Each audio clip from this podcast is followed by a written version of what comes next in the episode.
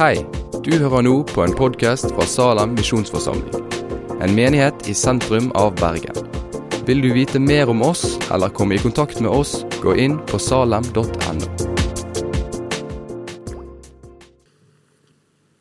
Teksten for denne søndagen står i Matteus 18 fra vers 1 til 11.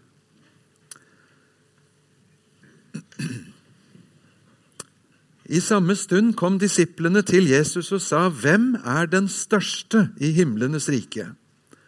Han kalte da til seg et lite barn og stilte det midt iblant dem og sa, 'Sannelig sier jeg dere, uten at dere omvender dere og blir som barn, kommer dere slett ikke inn i himlenes rike.' Den som gjør seg liten som dette barnet, han er den største i himlenes rike. Og den som tar imot et slikt lite barn for mitt navns skyld, tar imot meg. Men den som forfører en av disse små som tror på meg, for ham var det bedre om en kvernstein ble hengt om halsen på ham, og han ble senket i havets dyp. Ved verden for forførelser. For forførelser må komme, men ved det mennesket som forførelsen kommer ved. Om din hånd eller din fot frister deg til fall, da hogg den av og kast den fra deg. Det er bedre for deg å gå halvt eller vannfør inn til livet enn å ha begge hender eller begge føtter og bli kastet i den evige ild. Og om ditt øye frister deg til fall, da riv det ut, kast det fra deg. Det er bedre for deg å gå enøyd inn til livet enn å ha begge øyne og bli kastet i helvedes ild.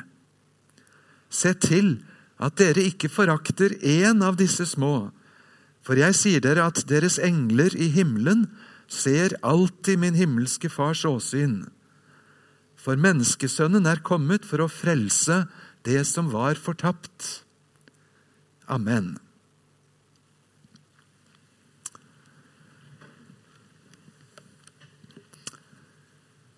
Ja, I dag skal vi få lære litt av Jesus selv om hvordan vi skal se på både oss selv som voksne, og ikke minst hvordan vi skal se på et barn i det lyset som Jesus gir oss. Og det kan være mer å lære enn vi trodde vi trengte. Vi tenker hele tiden på hvordan vi skal lære barna å bli gode voksne. Og Jesus snur det på hodet og sier at hvis du vil spørre etter veien til himmelen og livet i Guds rike, så er det helt omvendt.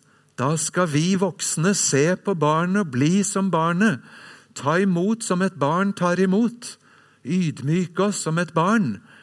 Og så skal det store få skje. Jeg vet ikke om du la merke til at Jesus svarte egentlig ikke helt på spørsmålet. Og spørsmålet er av og til litt avslørende. Det er ikke første gangen jeg prøvde å telle i morges, og det må ha vært i hvert fall fem anledninger, at evangeliene forteller om småkrangling eller spørsmål. Hvem av oss tolv er egentlig størst i Guds rike? Og Den krangelen summer og går og involverer både mødre og kanskje svigermødre. Og den drar dem helt inn ved nattværbordet, så Jesus nesten ikke kommer til orde med innstiftelsesordene fordi det brøt ut en krangel, en trette mellom dem, om hvem av dem som liksom skulle være størst. Noen minutter før de sveik han alle sammen. For Teksten vår begynner med at det er disiplene som kommer og spør Jesus. Og Det er jo flott at de spør Jesus. Velsigne hver den som spør Jesus, samme hvor galt vi spør. Hvem bedre skulle vi spørre? Men de spør altså hvem er størst i Guds rike? Og så svarer Jesus med god anskuelsesundervisning. Ikke bare at han finner et barn, men den greske teksten sier 'et lite barn'. I denne teksten står det ikke at de bar det barnet til ham, og at han måtte løfte det, men et lite barn var det altså, som får være anskuelsesundervisning på hvem som er størst i Guds rike. Og Så overlater ikke Jesus til oss selv å, å pønske ut hva det betyr, men han hjelper oss med en forklaring. Og så er det sånn som det heter i stigespill, hvis noen har vært med på det. Rykk tilbake til start. Disiplene spør hvem er størst i Guds rike. Og så svarer Jesus at dere er aldeles ikke inne i Guds rike i det hele tatt. Hvis dere ikke har omvendt dere, tatt imot det som et lite barn, og blitt de tomhendte små som er opptatt av om de får lov til å være i Guds rike, ikke har rangordning innenfor Guds rike. I eventyr er det noe som heter 'God dag, mann økseskaft', men dette er egentlig ikke det. Han svarer tilsynelatende på noe annet enn det de spør om. Men det er jo det som er svaret. I Guds rike er det ikke rangordningen blant dem som allerede er der. Men det er og blir spørsmålet har jeg virkelig fått del i dette selv. Og så er Jesu anførsel så tydelig den kan. Bli som det lille barnet, ydmyke seg, ta imot det som et lite barn, omvende seg. Og så begynner vi kanskje å ane tegninga Jesus gir. Og for å begynne der alt begynner i Guds rike. Det handler om å få komme tomhendt til Jesus for tusende gang. Ikke å ha sjarmert seg fram og være veldig barneaktig. Ikke å ha kvalifisert seg gjennom verken oppsamlingsheat eller gå rett til finalen. Men fra første til siste stund å være den babyen som noen må bære og legge i fanget på Jesus. Å være den Mefiboset som vi talte om på kveldsmøtet i går, som blir båret til kongens bord, og som får sitte sammen med kongens sønner, med kongen selv, med Abraham, Isak og Jakob, for en evighet. Og bli betjent av Jesus selv, som vasker føtter, som på korset vasket våre synder, og som varter opp for oss. Og så får jeg være barn og ikke tjener for å hente den fine sangen. Jeg vet ikke om dere har fått med dere et ord som fins i den offentlige debatt omkring kirke og gudstjeneste, men det er et festlig ord. Nussifisering av troen. Har dere hørt om det? Når kristendommen blir så veldig nusselig og koselig at nøkkelordet ikke er lov og evangelium og synd og nåde, men det er koselig. Og hvor det viktigste er at det er barn til stede. Så ble det et godt møte, enten vi hørte hva som var sagt eller ikke. Så er det rett og galt blandet om hverandre, med barnet som et forbilde og barnets plass i Guds forsamling. Men så er det altså noen som sier at på et eller annet sted så går det en grøft på motsatt side.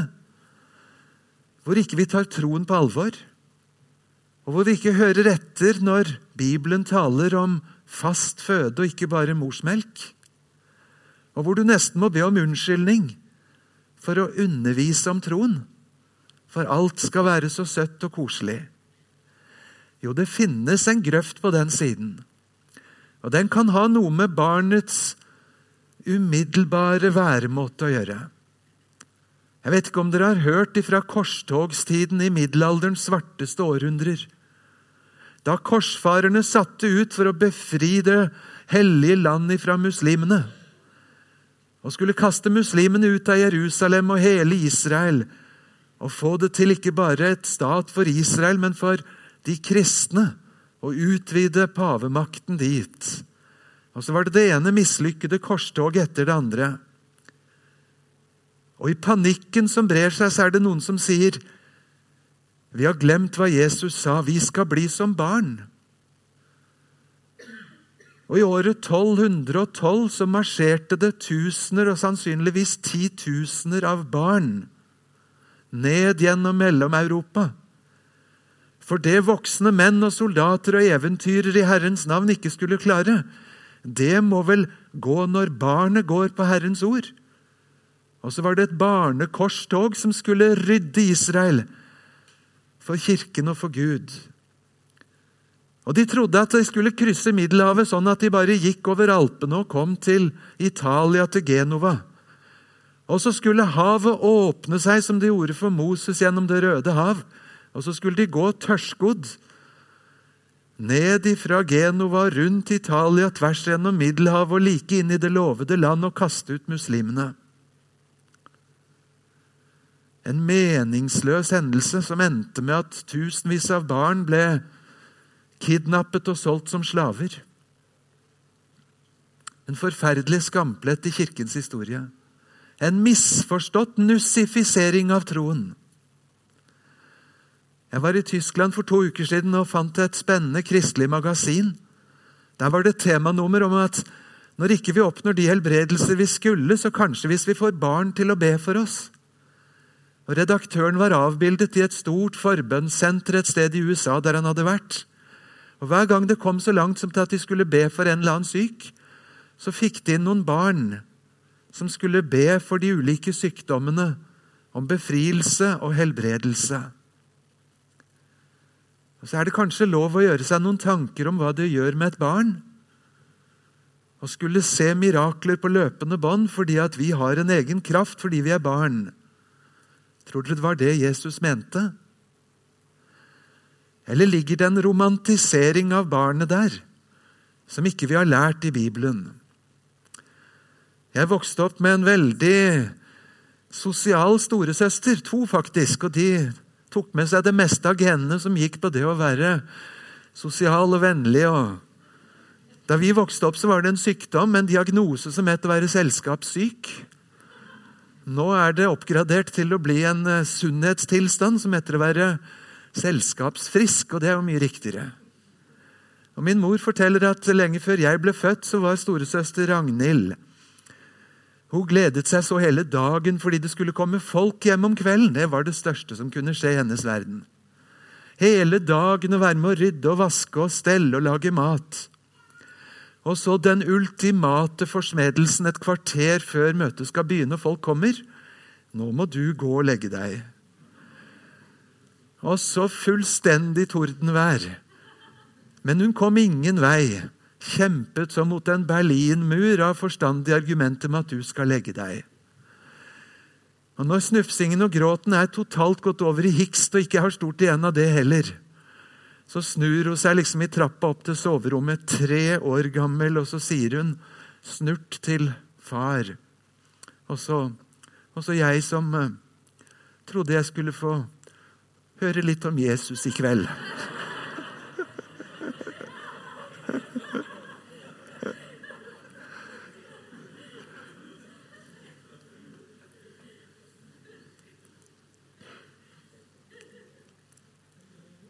Det går an å romantisere troen. I Bibelen så står det rett ut, ord for ord. Vi er av naturen vredens barn. Efeserbrevet 2, vers 3. Det er litt av en diagnose. Og du vokser ikke fra den ved skolealder eller pubertet. Av naturen vredens barn, under Guds vrede. Det som er født av kjød, er kjød. Det som er født av ånden, er ånd. Dere må bli født på ny. Uten den nye fødsel så står vi på utsiden. Når Jesus sier vi skal bli som barn, så sier han ikke at alle barn automatisk er kristne, eller at alt som er å si om oss ifra fødselen av, er uplettet av synd og uberørt av ondskap. Jesus sier tvert imot at smuss kommer ikke fra utsiden, men ifra hjertet kommer de onde tankene. Og så kommer det fra innsiden og ut. Og så er det en ramsalt fortelling i Bibelen. Og så arresterer det noe av nussifiseringen av troen. For også det lille barnet må få høre om noe som ikke vokser innenifra, men som kommer ifra utenfor. Om en frelser som er en frelser også for barna. Og så er det likevel et hav av forskjell mellom den tanken som vi naturlig gjør, og som folket rundt Jesus gjorde seg om barnet. en av de aller eldste delene av Mishna, som antagelig er fra før år null, den sier rett ut at søvn om morgenen, vin ved middag, lek med barn og opphold i de ulærdes lag fører mennesket ut av Guds verden. Hvis du leker for mye med barn, så er det like skadelig for ditt åndelige liv som om du drikker mye vin på feil tid, om du fyller hodet med plattheter. Tenk for et sjokk det må ha vært for Jesus, som rabbi med alle disse rabbidisiplene rundt seg, og hente opp et lite barn og si sånn må vi bli, så hjelpeløse små. Så uten kvalifikasjoner for i det hele tatt å komme inn i Guds rike. Og Hvis du spør om hvem som er stor i Guds rike, så skal du igjen ha barnet som forbilde. Den lille som ikke når opp til bordplata engang, skal få være stor og en målestokk som ikke pukker på egne anstrengelser og prestasjoner og fortjenestemedaljer, men med tomme hender. Slik du kom inn i Guds rike, slik er livet i Guds rike. Og Så går teksten over til å snakke veldig alvorlig om hvordan vi som voksne gjør med barna. Og så henter Jesus opp et forferdelig ord. Han snakker om å føre dem til fall. Han snakker om å forføre dem. Det er et seksuelt begrep på gresk akkurat som på norsk. Å forføre et barn, dra det inn i en slags rus med seg ut av Guds rike og over et annet sted. Og Det høres nesten resignert ut når han sier at det forførelser, det kommer det nok, men ved det mennesket som forførelsen skjer ved. Se dere til at dere ikke forakter en av disse minste små som tror på meg. Og Så taler han ganske alvorlig om hva som kan forføre. Og Så går han videre til å snakke om at jeg selv kan komme til å havne på utsiden av Guds rike. Kanskje er det øyet mitt som ser noe som fører meg til fall. Kanskje er det hånden min eller foten min. Og Da er det bedre å gå handikappet inn i Guds rike enn med alle sine sanser å gå evig fortapt. Det er alvorlige ord som Jesus taler til oss. Og de kan ha adresse til det vi ser på skjermer. Kristne som må deaktivere noen kanaler på boksen sin. Deaktivere noen hjemmesider som blir dem til fristelse. Det er faktisk ikke så sjelden jeg møter kristne som har slutta i jobben. For der de var, var fristelsene så store til å snuske med regnskap eller med kjøretider eller med fangstkvoter. Eller med så mange drinker etterpå på alle de samlingene for andre mellomledere at de må hoppe av av frykt for å miste sin sjel og sitt hjerte. Da kjenner jeg på en ærefrykt for noen som vet at det er noe som er farligere enn noe denne verden kan få opp, og det er å tape sin sjel og gå fortapt og kanskje kunne føre noen til fall. Jesus sier da var det bedre med en kvernstein om halsen og i havets dyp. Og Han var biskop her i Bergen for snart 300 år siden. Pontoppidan som sier at 'jeg har aldri knytt på meg prestekjolen og prestekragen uten å spørre meg sjøl hadde det vært bedre med en kvernstein. Hva sier jeg, hva gjør jeg, hvordan leder jeg noen? Og så slår dette til oss som er foreldre, eller du som er fadder. Eller du som hører til en menighet der barn døpes, hvor vi har et ansvar for å lære dem troen. Til å gi dem den, og ikke innbille oss at det bare gror av seg selv. Men at det er noe som må få lyde, et Guds ord som skal sies. Jeg lærte en gang et godt råd som ung far. Husk å be for husandakten hjemme hos dere, sa han. Har dere tenkt på det som et bønneemne? Og be til Gud for husandakten. At det ikke bare blir melkeglass som velter og hyl og skrik. Vi må ikke lage prestasjonsangst rundt det. Men likevel at Herrens ord må lyde. Og at husandakten ikke er en del av barneoppdragelsen som dere unger må høre. Men vi som er voksne, vi er de samme babyene sjøl. Det er vi som må få høre Guds ord inn i hjemmet vårt.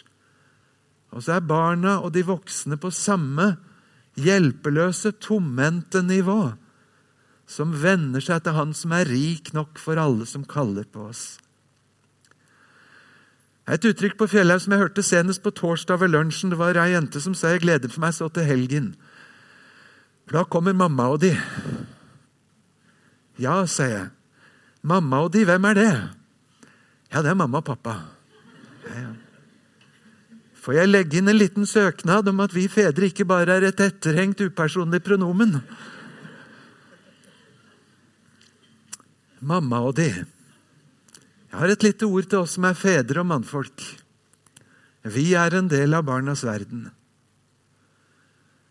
Velsigne hver mor og kone som tar mer enn 50% av mange slags tak. Men Gud har også kalt oss fedre til å lære barna troens vei. Og til å forsøke å følge den. Jeg vet ikke om jeg har vært noen veldig tydelig skikkelse selv. Jeg Glemmer ikke noe som skjedde da minstemann var fem-seks år og hadde fått være med storebror ned til ei kebabsjappe og spise en ordentlig kebab. Da er du stor. Og Det var så stort at da han lå og skulle sovne om kvelden, så mumla han med seg sjøl. Vi hørte han, for han hadde seng på rommet vårt. Alle i vår familie liker kebab, sa han. Alle unntatt pappa. 99% av vår familie liker kebab.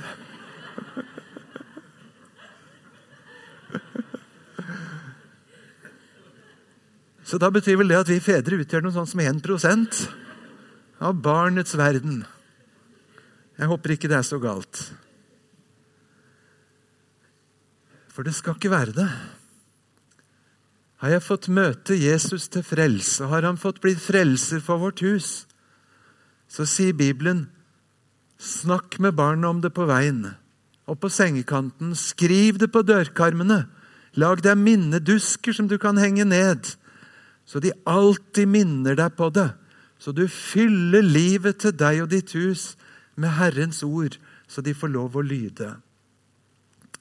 Og Så skal vi få ta med også barnet inn i Guds verden med den tanken at Herren er mektig til å følge dem. Jeg er en god venn av både påsken og pinsen. Og Bibelsk forstått så vil jeg få kalle meg en pinsevenn. Men så hender det at mine pinsevennvenner og jeg må av og til gå opp en liten grensegang. Og så kommer det mange til Fjellhaug som spør Hvorfor skal vi på død og liv døpe barna når Jesus gjør barna til et forbilde? Og så har jeg lyst nå til å bruke fem-ti minutter til slutt av min tale Det er ganske kort å hente opp de årsakene til at vi som lutherske kristne døper barna våre. Og gjøre det også en sånn dag når Jesus har vist oss om barnet som et forbilde i troen. Og Det er i respekt for den overbevisning som pinsevenner og baptister har.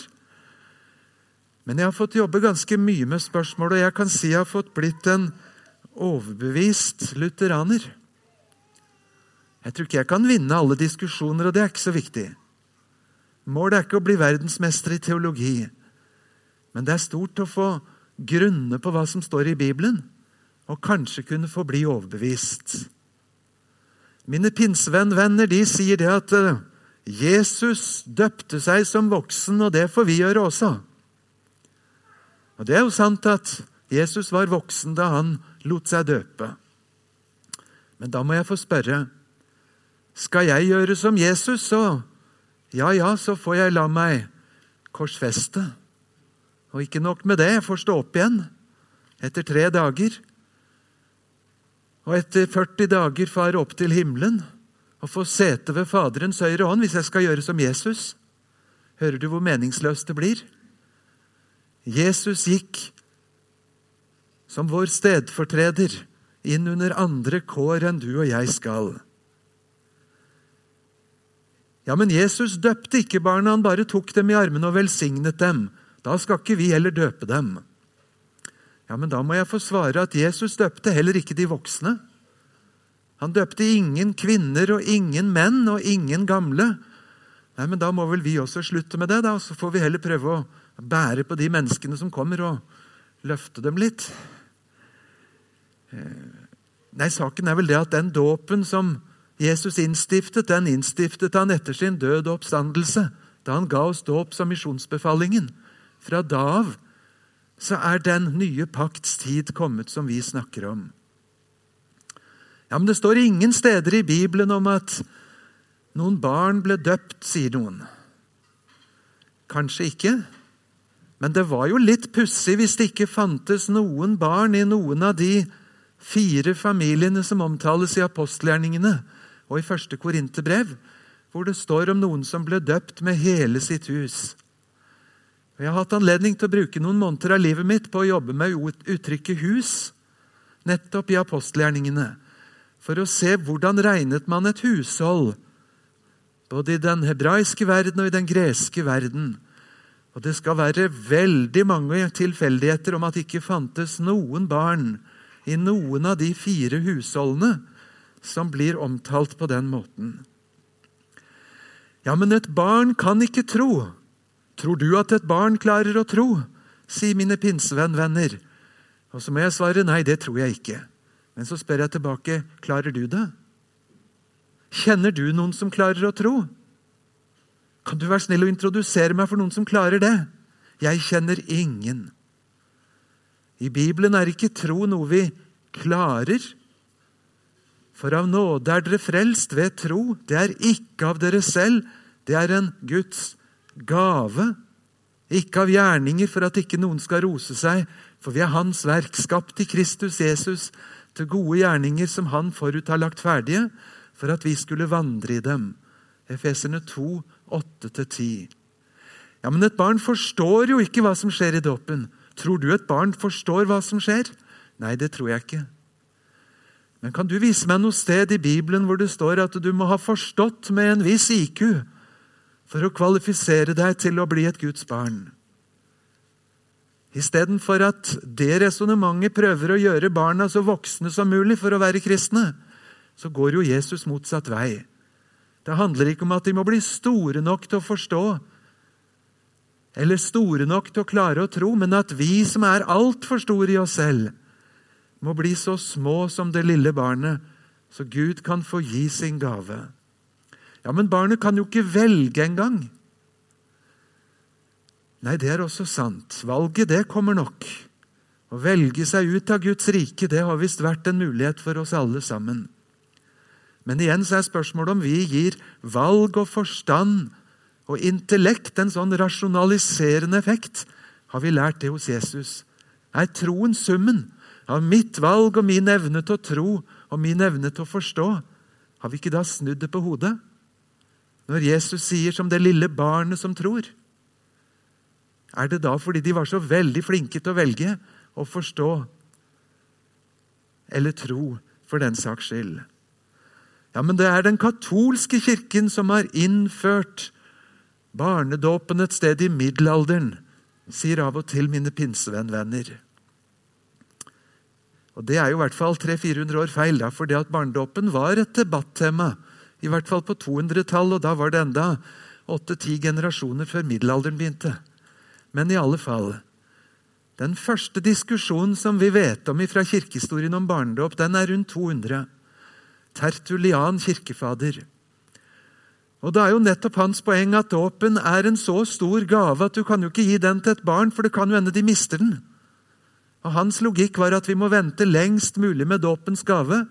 Og så kom den uskikken at man venta med dåp til dødsleie. Så du skulle være så nydøpt som mulig, så du hadde rukket å gjøre minimalt med synder etter at du var døpt. Det ble logikken som keiser Konstantin og andre levde eller skulle dø på. Og vi hører hvor feil det blir. Når Tertulian protesterer, så protesterer han på den uskikken som er overalt, at man døper barn. Han syns det er for galt. Han protesterer ikke med å si at de ikke har forstand nok til å velge. Så den eldste indikasjonen er heller på at barnedåp det var i bruk. Men kanskje ikke vi skulle gi bort så store gaver før vi vet om det virkelig tas imot og tas vare på. Og det blir jo et litt annet resonnement. Ja, men Det står jo i Bibelen at dåpen er en god samvittighetspakt med Gud. Og en pakt og en avtale på grunnlag av at jeg har fått god samvittighet, det kan jo ingen barn ha. Sånn sier mine pinsevennvenner ut ifra 1. Peter 3,21. Det er sant at dåpen er en god samvittighetspakt. Men det er også sant at i samme verset så står det at dåpen frelser oss.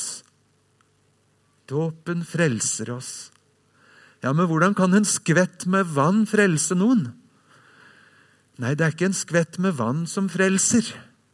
Det er Guds ord som er med og i vannet. Og så har altså Gud valgt å gi så store gaver med midler som vi syns er ganske usannsynlige når vi prøver å tenke så rasjonelt. Men så er Guds vei en annen enn vår. Det finnes flere argumenter, og det finnes bedre svar kanskje enn jeg rakk å gi. Men det er ikke på tradisjon og gammel vane, men det er på Jesu eget ord at vi får bære barna våre av naturen vredens barn til Jesus. Vi kan ikke tro i stedet for dem, men troen vår kan bære dem til Jesus. Og hva kan ikke Jesus gjøre med det som legges i hendene på ham? Om det er et barn, om det er en sykdom, eller hva det er, for Jesus sier, 'Kom til meg, alle dere som strever, som har tungt å bære'. Og Så slutter teksten med et ord om at barna alle sammen har en engel som alltid ser min himmelske fars åsyn. Og Det er det bibelverset som er bibelgrunnlaget for ideen om en skytsengel, en guardian angel, eller hvordan det sies. Og Det er jo faktisk et bemerkelsesverdig ord. Vi må ikke se ned på det minste barnet. For de har alle sammen sin engel i himmelen, som alltid ser min himmelske fars åsyn. Jeg vet ikke om jeg vil kalle det en skytsengel. Det blir enda mer uhøytidelig å si en sladreengel.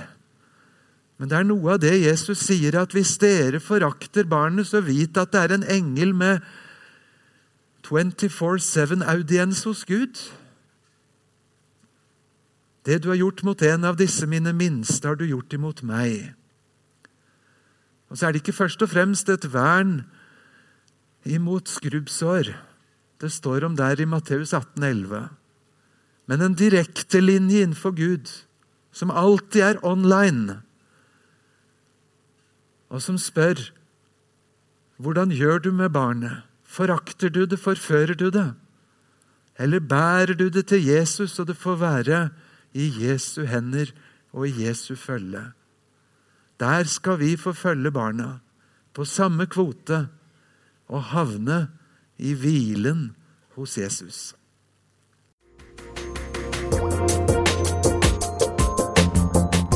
Takk for at du har hørt på podkasten fra Salem, Bergen.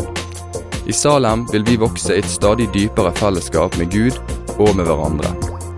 Vi vil være Jesu hender og føtter, og vi vil være med og forkynne frelse for Bergen og resten av verden. Besøk oss gjerne på salem.no om du vil vite mer.